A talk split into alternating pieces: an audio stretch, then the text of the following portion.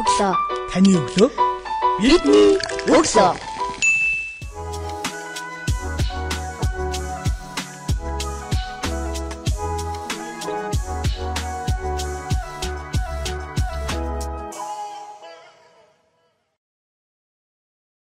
өглөөний минь илүү сайхан Монголын төлөө өрөөтэй Эмэн сэтлвиз миний өглөө нэвтрүүлэг шинэ оны шинэ өглөөний дугаараа эхлэхэд бэлэн боллоо. Өнөөдрийн дугаартаа бид нийслэлийн Сүхбаатар дүүргийн шилдэг сурагч Ерөнхий боловсролын 1-р сургуулийн 12-ийн Б ангийн сурагч худалдантай ярилцж байгаа юуны өмнөөс бидний урилгыг хүлээж авч хүрэлцэн ирсэнд баярлалаа. Шинэ оны эхний өдрийн мэндийг хүргэе.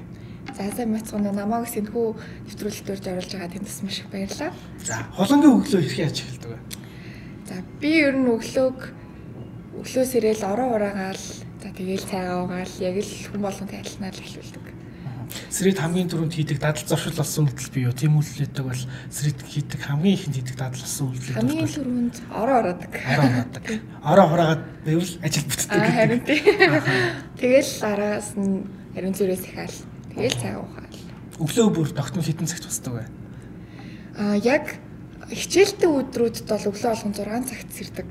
Аа амралтын өдрүүдэд бол 1 9 10 хүртэл унтаад идэг аа. 2024 оны 1 сарын 1-ний оны эхний өдрийн эхний өглөөний дугаарт оролцож байна. Тэгэхээр 2024 он гэх юм бол одоо шинэ он дөнгөж эхэлж байгаа болохоор жинх энэ ондоо би жинхэнэ шинэ болсон болсноо гэсэн төлөвлөлтүүдийг бол төлөвлөсөн байгаа. 2023 оноод дүгнээд 2024 онд а, зорж байгаа голлох голлох ажлуудаас зөвлөл ямар ямар ажлуудыг бүтээе гэсэн энэ төлөвлөлтүүдийг хийсэн байгаа. Бас 2023 холонгийн үед ямар он болж өндөрлөв? За эхлээд 23 оны дүгнэд хэлэх юм бол би 23 онд болохоор сургуулиудад би багш болсон. Тэгээд скаутын багш болсон. Тэгээд логарифм сургуулиуд дээр за бас өөрийнхөө нийсэн бүлгүүд дээр ингээд чад чинийгэр хичээл зааж исэн. За зуны туслангууд дээр бас туслангийн багшаар ажилласан. Тэгээд энэ бол надад илүү юм ололттой талаас нь олон хүмүүстэй харьцаад бас хүүхдүүдэд өөрийнхөө мэдж байгаа зүйлсийг хуваалцаж өгнө гэдэг бас айгуу том амжилт байсан. За хийж чадаагүй зүйл гэх юм бол шалгалтандаа арай тэнцэж чадаагүй. Тэрэндээ жоохон харамсаж байгаа. Тэгээд энэ жил гэхээр шалгалтандаа бас тэнцэн. За мөн төгсөх ангийн хүүхэд тэгээд ирчил оюутан болно. Тэгээд анагаахын сургууль Энэ жил оюутан болно, Тийм энэ жил энэ жил оюутан болно. Тэгээд а, анагаахт орохоор бэлдэж байгаа. Тэгээд ээжтэй сайн авах эхэлчихэж байгаа да. Хамгийн том төлөж байгаа зүйлүүд бол 2024 онд бол хамгийн одоо карьерийн том шилжилт гэх юм бол Тийм. сурагчийн ширээнээс тохиолцлоод оюутны ширээн тэр дундаа анагаахын шилгүүн үндэсний сургуульд суралцах төлөвлөгөөтэй байгаа. Шалгалтандаа маш сайн бэлдэх хэрэгтэй тий. Ингээд дурдах юм бол нэгээс хоёр ажлыг л онцолж дурдж байна тий. Ер нь жилдээ хичнээн ажлыг төлөвлөж ард нь гардаг. Аа жилдээ болвол я би яг энэ жил нөө төгсөх ангийн хүүхд учраас арай баг зүйлийг төлж байгаа. Илүү өөрийнхөө нөгөө ирээдүйд оюутан болон амьдралд хөл тавих гэж байгаа учраас хамгийн чухал хоёр зүйлийг төлөвлөж байгаа. Аа бусад үедээ бол жишээ нь өмнөх жилүүдэд бол тий хүүхдийн зөвлөлт ажилтдаг байхдаа, скаут ажилтдаг байхдаа жишээ нь бүлгээ бүлгэн болгож том болгоно ч юм уу тий. За хүүхдийн зөвлөлт ажиллаж исэн бол тэтэн ажлын ард гарна, тэтэн хүүхдийг нэтгэж чадна ч юм уу. Яг юм өөрийнхөө хүрэндэх зүйлсүүдийг илүү жон томруулад олон нийт рүү чиглэсэн тийм зүйлсүүдийг хийндэ идэл гэж төлдөг байсан.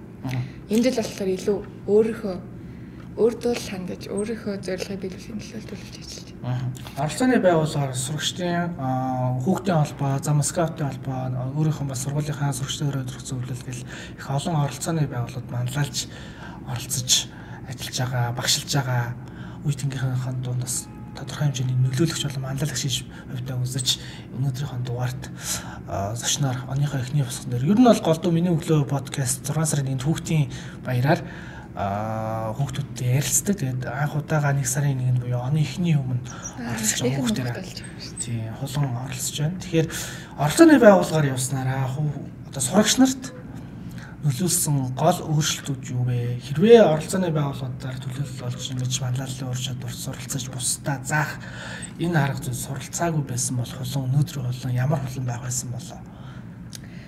Ам Ихэд бол нөгөө хүн бол нийгмийн амьтан гэдэг дээ.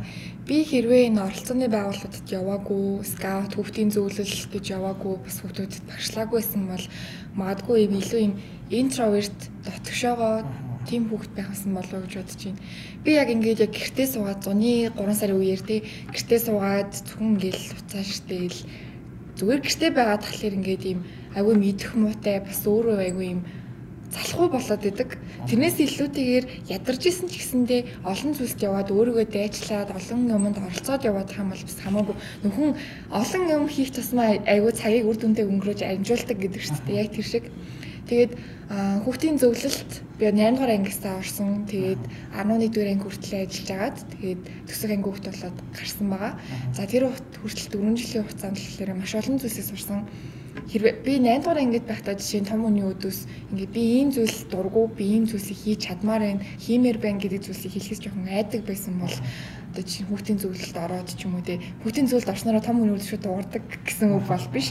Илүү нөгөө өөрийнхөө эрхийг мэдэж аваад бас дуртай үедээ дуртайгаа хэлээд дургүй үедээ дургүйгүй хэлж чаддаг болсон ч гэх юм уу. За мөн олон олон байгууллагуудтай ингээд гоё хамтарч ажлуудад оролцсон, олон үйл ажиллагаанд, олон хилцүүлэгт оролцож үзсэн. Хүүхдийн хувьд бас үе тэнгийнхнийхээ манлайлаад өөрийнхөө хувьд илүү тэрийг бас айгүй амжилттай зүйл гэж бол харж байгаа. За тэгээд скаутын байгууллага болохоор ер нь бол ийм амьдралд суралцах арга замуудыг зааж өгдөг. Тэгээд скаутын багш болно гэдэг маань өөрөө бас айгүй чухал зүйл. Тэгээ хингээс суралцсан гэж ярьдаг манайхан. За тэгээд жишээ нь хүүхдүүдтэй би уяа зангилаа. Тий манайхан тэр болгон хүүхэд болгон аврах болсон ингэж мэдэхгүй. За жишээ нь луужин зүг чиг олох за морс код ч юм уу тэр зүйлсүүдийг мэдэхгүй. А гэтэл би өөрөө өөрөө бүлэг байгуулад тэр хүүхдүүдэд заахын тулд би өөрөө ихлэ сурж эхэлж байгаа. Сурж иж би заана. За тэгээд олон дахин заагаад эхлэхээс тэрийг ингээд амьдралын хэв маяг болгоод өөрөөс аягүй ингээд гаршаад авчт юм лээ. Тэгэхээр энэ зүйлсүүдэд орсондоо тэр тусмаа скаутад орсондоо би маш их баярлагдав. Тэгээд амьдралынхаа туршид скаут байна л гэж бодож байгаа. Хүүхдээ оролцооны маш олон байгууллагууд байна л да. Олон улсын төрийн болон төрийн ус байгууллагууд тий. Энэ оролцооны байгууллагуудад хүүхдүүд оролцсноороо өөрийнхөө одоо эрхийг мэдэж бусдынхаа эрхийг хамгаалахын төлөө сурч тэдний төлөө дуурч дуу хоолойгоо хүргэж ажиллаж байгаа. Ажилласаарч ирсэн тийм түүхэн замналууд байдаг. Үр дүнд ямар ямар өөрчлөлтүүд гарч байгаа вэ? Үнэхээр нөлөөллийн сурчдын зөвлөл тий хүүхдийн оролцооны байгууллагууд тухайн сурагчийн эрхийг хамгаалах, хөгжих, сурч боловсрох энийн эрхийн төлөө хэрэг хүртээмжтэйгээр сургалтын агуулгах хөтөлбөрүүд чиглэгдэж ямар ямар өөрчлөлтүүд гарч байгаа вэ? Яг ажиллаж байгаа туршлагаасаа хуваалцвал тий. Ерхэд бол яг хүүхдийн зүгээс бол хэлээд бид нэр шууд нөгөө нийгэм тулгамдж байгаа одоо жишээ хүүхдийн хүчирхийлэл ч юм уу те эсвэл одоо энэ өсвөлэн гэр оронгүй байгаа хүүхдүүдэд шууд бид нар очиод гэр оронтой болгоод шууд тэгэж өөрчилж болж чадахгүй.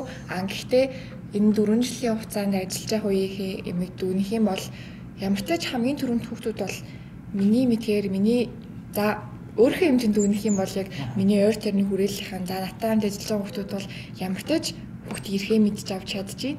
За бас хүүхдүүд жилдээ бас ингээд нэг удаа чуулган зохион байгуулдаг. Тэрүүгээрээ бид нэр томчуудаас юу шаардахын тэр зүйлсийг хэлж чадчихээн.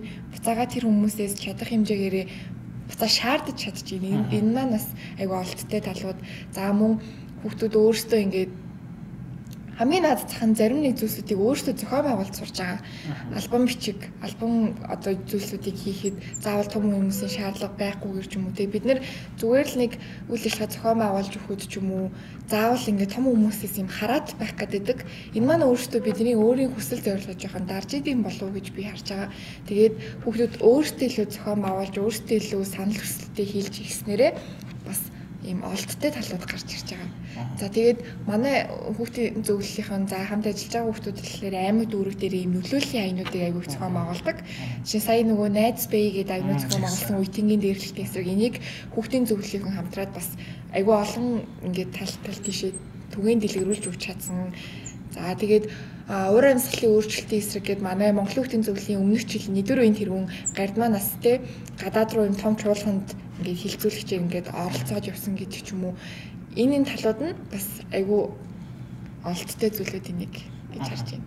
Томчууд хэр сонсож байна хүүхдүүдээ?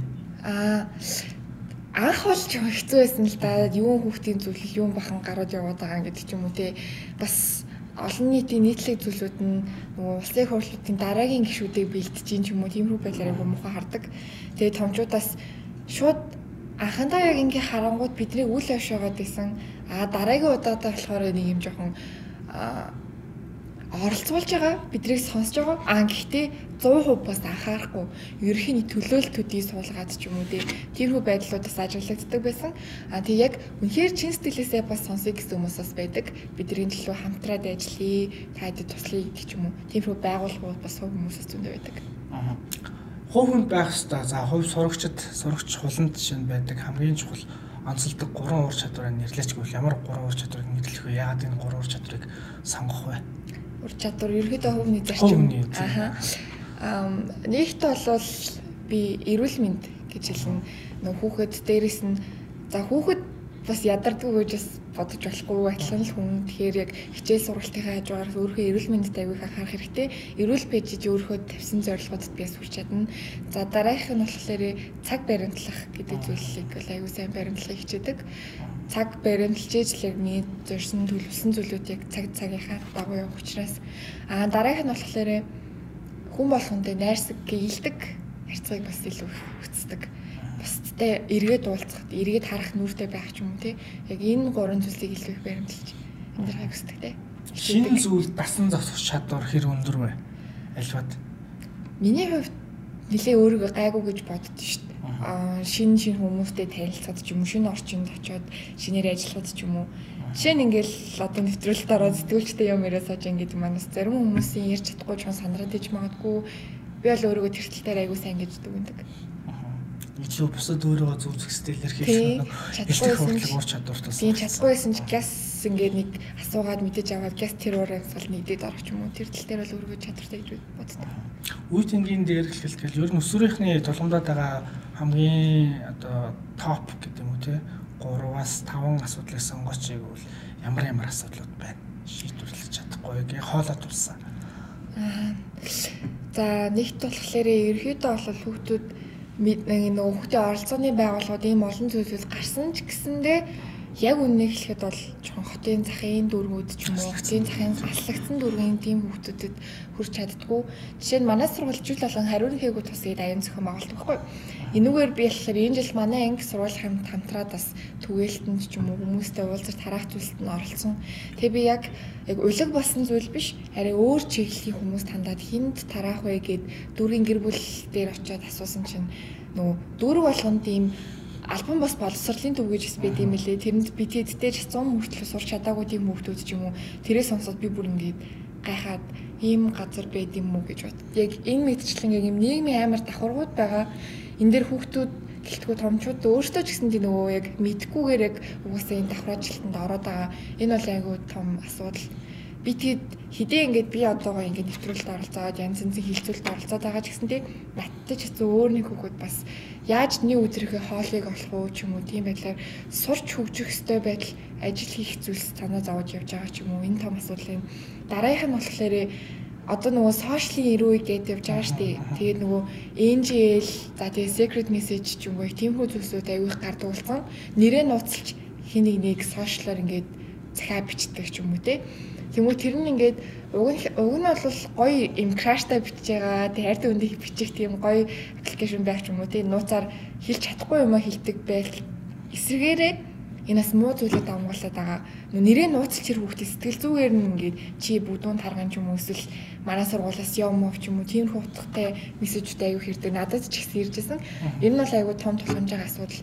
Энийг яаж хичээгээд барьж үлж чадахгүй л юм л да. Энэ бол өөр бас үйтэнгийн дээрлэлтэнд ороод явж байгаа. За дараагийнх нь болохоор бас электрон тамхи гэж би бодож байна. Манай үеийнхэн яг нуулын үлгэд бол угаасаа манай ангихан манай доод үеийнхэн ч гэсэн айгүй хэрэгэлдэг болсон. Нөгөө нэг яг тэрнийхээ хор уршийг мэдж байгаа ч гэсэндээ тэрнээсээ гарч чадахгүй ч юм уу. За тэр чинь хүүхдүүд нөгөө никотинтай стресс тайлдаг гэл тиймэрхүү байдлаар хэрэгжилж байгаа юм жоохон яг хүмүүний өөрх нь эрхийн асуудал гэсэн чинь надад айгүй хэцүү санагддаг л да. Ирээдүйд уушгин ч юм уу те гимтэй штэ. Угаасаа Монголд одоо агарын бохирдол амир их байхад нэмж тийм юмудаас татаад явахлаар жоо хэцүү л байдаг.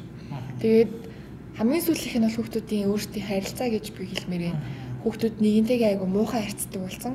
Жишээ нь зөв хамгийн наадах нь одоо одоо үеийн хүүхдүүдийн сонсож байгаа бидний сонсож байгаа дуу хөгжмийг ингээ харангуут өмнөх үеийнх дээр аав ээжийн сонсож байгаа тиймэрхүү хамтлагууд дээр ингээ тийм гоё юм эерэг үгтэй те жишээ нь эрэгтэй нэмэгтэйгээ юм хайрлаж байгаа юм эерэг үетэй байтал одоо үеих дээр амар харааж байгаа ч юм уу Тиймэрхүү дууг сонсоод тийм хүмүүстэй харьцаад тийм хүмүүсийг дагаж харж үзэхээр хүүхдүүд өөртөө тийм болоод байгаа байхгүй юу?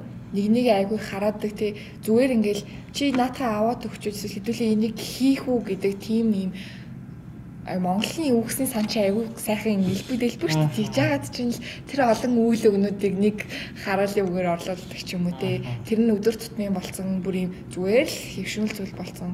Тэгэхээр надад бас энэ жоохон ухаадаг. Яг зүгээр зөв боловсон харьцахгүй нэгнийгээ жоохон доош нь хийдэг. Тэгэл доромжилдаг энэ хэвийн зүйл болсон энэ жоохон асуудал гэж харж байна. Харилцан нюансаа мэдэрч тохирсон үг хэллэгийг хэлж сурмаар байна тийм ээ. Маазрах үедээ маазарч болно. Гэхдээ бас сэтгэл нэнийхээ сэтгэл зүг бас бодох хэрэгтэй. Байнга тэгж шоглоод доош нэгээд хамбал бас хэцүү.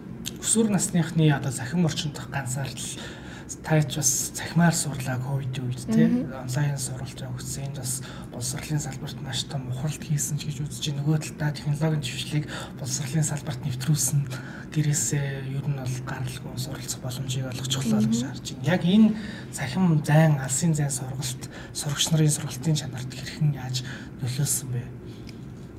Энэ бол бас ер нь бол яг хоёр тал дээр да нэг нь дэвшилтэд технологи за нөгөөдөө нь жоохон гарч ингээд. Миний хувьд болохоор бас яг аль тал дээр гарч ирсэн. Жишээ нь миний илүү дуртай хичээллүүд ч юм уу тийм зүйлсүүд дээр яг ингээд цаг гаргаад компьютер нээж аваад камера нээж аваад орлогчтой ч юм уу. Жоохон дургу ойлгохгүй байгаа үедээ сонсонгоо цайгаа угаад ч юм уу те яг юм үр дүнтэй яг 50 50 л байсан л да. Яг олдтой талууд гэх юм бол би бас нөгөө багш нар яг гэрээний даалгавраа ч юм авахтай classroom, за эсвэл PowerPoint нөгөө Canva enter гэдэг аппликейшнуудыг ашиглаж сурахад бас таны презентацнээр явуулаарай ч юм уу те. Тийм зүйлсүүдийн даалгаврууд өгдөг байхад өөрөө ингээ YouTube-ээр судлаад, онлайнаар судлаад компьютер дээр хийж сурсан нь надад илүү молттой байсан. Хэрвээ яг зүгээр л ингийн хичээлийн үеэр явж исэн бол бас багштай дэвтрээ үзүүлээл бичиж цаасаараа ингээ харилцаж учраас тэр зүйлсийг бас шалахгүй байсан баг. Бас нөө ковидын араас хичээл дээр сургууль дээр очингууд багш нарын арга барилаас айгүй өөрчлөгдсөн байсан. Биднээс ингээл номны хуудас зүгэл наад хэсгээ ингээ хуулаарай, наад хэсгээ хийгээд аваарай гингүүт тэр нэг бид нэр ингээл за дуу багш нарын хөөд дуулждаггүй яг тэрийгэ хийгээл бичээл байдаг гэсэн бол багш нар яг оны дараа орж ирэхэд шал өөр арга барилт болсон байсан. Сургууль болгон дээр за яг манай сургууль чинь нөө төвийн сургууль учраас ийм технологийн ингээ хангалтуудтай, компьютеруудтай, дэлгэцтэй учраас багш нар өөрсдөө презентацийн бэлтгэж ирээд хүүхдүүдтэй юм гоё асуулт хариултаар ч юм уу эсвэл яг номноос хэрэгтэйсгийг багш нар яг товч болгоод презентацийн бэлдээд ороод ирдэг ч юм уу. Тэр зүйлсүүднээс аягүй ажиглагдсан багш нараас өөрсдөө хичээгээд суралцсан гэж бас харж байгаа. Аа дутуу зүйл байсан гэх юм бол жишээ нь би болохоор 3 дүүтэй байхгүй юу бага ангийн 3 дүүтэй. Тэнгүүт манай 3 дүү бол яг шууд яг альбаг үеийнхэн компьютер юмнуудыг сайн ашигладаг гэж хардаг ч гэсэндээ яг манай 3 бол харж хийхгүй байгаа байхгүй. Тэрийг ингээ хажуугаар нь зургатаараа ингээл поророг үзээл ингээл хараал ч юм уу те. Тэгэл тэгэхээр яг нөгөө яг нас насныханд зориулсан яг зөв арга барилыг олох нь л аягүй чухал юм шиг санагдаж байгаа. Онгын хичээлэл яг муу гэж бол муулж хэлэхгүй. Аа гэхдээ яг тэр зүйлс дээр бас нэг юм ажиглаж байгаа хгүй. Эцэг эхчүүд хүүхдтэй яаж анхаарал хандуулж ийн вэ гэдэгтээ яг анхаарлаа хандуулаад хамт суугаад компьютерийг нээж өгөөд ингэдэж шүү ингэдэж шүү гэхэд бол энэ эцэг их багш хүүхдийн нэг гурлан харилцаа гэж ирж байгаа. А яг нүнхээр ээж аав нь ажилдаг хүүхд нь гэртээ ганцаар үлддэг тийм хүүхдүүдэд бол жоохон техник юмын зааж өгөхөнгүү, хичээлийн зааж өгөхөнгүү бол тэр хүүхд жоохон ухрах юмуд гарч ирж байгаа юм л да. Сургалтын хөгжлийн хэмжээ яг чийсээ хэллээ хотын төвийн сургууль учраас компьютерийн лаборатори болоод ямар нэгэн зүйлсээр бол хангагдсан байдаг. Гэтэл чиний хэлээд байгаа аслагдсан сум дүүрэг багийн одоо сургуулийн сурагчдын хувьд тэр компьютер лаптоп гэхээсээ илүү гар утасч байхгүй гар утас байлаа гэхэд интернет дата байхгүй чи хязгаарлагдмал. Тэгэд э, сурах нэг сурч хөгж хэрэгээс хязгаарлагдмал байгаад идэг иймэрхүү сул талууд бол байсан тий. А гэхдээ одоо яг бидний үзэж байгаа Улаанбаатар хотод үгүй Монгол их орон даяар үзэж байгаа үеийнгийн сурагч нартай хандаж ямар ч нөхцөл байдалд суралцж яж болно тий хүмүүс нэг сурах, бие дааж суралцах, бие даан хөгжих гэдэг зүйлийг ярьж шүү дээ. Жилүүдэд сурагч нар, багш нар бол ерөнхийдөө чиглүүлэх багш төвтэй сургалтаас илүү одоо сурагч төвтэй сургалт руу шилжээд багш нар бол чиглэл өгдөг, сурагч нар одоо яаж тэр агуулгын хүрээнд суралц одоо бие даан YouTube-ээс одоо юм судалж байгаа чинь хүртэлс нь бол дамжилчтэй захим технологийн. Тэгэхээр ямар нэгэн орчныг бий болгох гэдэг агуулгыг хүлээлгүйгээр өөртөө байгаа нөөц боломжоо одоо тулгуурлаад суралцах хөгжихийн боломжийг эрэлхийлбэл суралц хорон зай цаг хугацаа бидэнд хангалттай байна гэдэг зур чиний ярианаас би сая олж харлаа. Тэгэхээр бидний сонсож байгаа нийт үзэгч, сонсогчд үе тэнгийн найзуудтай сурагч нартай хандаж хавилаа. Нэвтрүүлгийнхаа төгсгөлд нийгэмдээ чиглэсэн эрэг өөрчлөлт урайлга хилээд яриагаа өндөрлөе. Шинэ оны эхний өдөр, эхний дугаар учраас аль болох нөгөө юу гэдэг нэг асуудлын шийдэл болох хуц урайлга байвал үеийнгийн дээрэлтийг таслан зогсоох байд юм уу? Эсвэл чиний хэлээдсэн сая дөрөв топ асуудлууд байгаа шүү дээ. Хоолой тулаад байгаа. Тэрийг яаж шийдэх юм? Боломж даргачлууд байна. Энэ тал дээр өөрийнхөө дуу хоолойг бас илэрхийлүүлэх зохимжтой болов гэж би таарч байна. Одоо яг яг тэр дөрвөн асуудал дээр жишээ нь би харилцаан дээр бол хүмүүсд бас хэлмээр байна. Бид нэр дүү нартай те бид нэр өөрсдөө яг ийм байдлаар муха муха өгнүүд хэлээд ингээ ярилцах юм бол бидний дүүнэр сонсож байгаа. Хүүхэд хилд орохдоо яг гэрийнхэн нь ямар үг хэллээр ярьцж чинь тэрүүгээр хамгийн түрүүнд хилд ордог дээ. Яг хоорондоо айгүй гоё эрэг харилцаатай ээж аваад байх юм бол яг хүүхдүүд нь гэсэн тийм байдаг ч юм уу? Хоорондоо хэрэлдэж муудалцаад хараалыг хүлээж авах юм бол хүүхэд нь яг тэр ПМ-ээр нь хилд ороод идэг дээ. Тэгэхээр яг тэрнтэй адилхан бид нар дүүнэрийнхээ үлгэр дуурайл дүүнэрийнхээ яг харах тэр ертөнц нь болж байгаа учраас одоо томчуудад бол хэлэхэд бол бидний ч хүүхэд гэж харж байгаа учраас тоохгүй ч магадгүй бид нарт нөлөөлж чадах хүмүүс нь бидний дүүнер учраас дүүнертэй эргээр нөлөөлөхийн тулд бас өдөр тутамдаа хэрэгжилж байгаа үг харилцаан дээр аюулсан анхаараарай гэж уриалмаар байна. За дараагийнх зүйл болохоор бид нар ямар нэгэн зүйлээс өөг нь хараад болохгүй бүтггүй гэж хараал байх юм бол яг тэр дундаа тэр хайрцагтай байсаар л байна.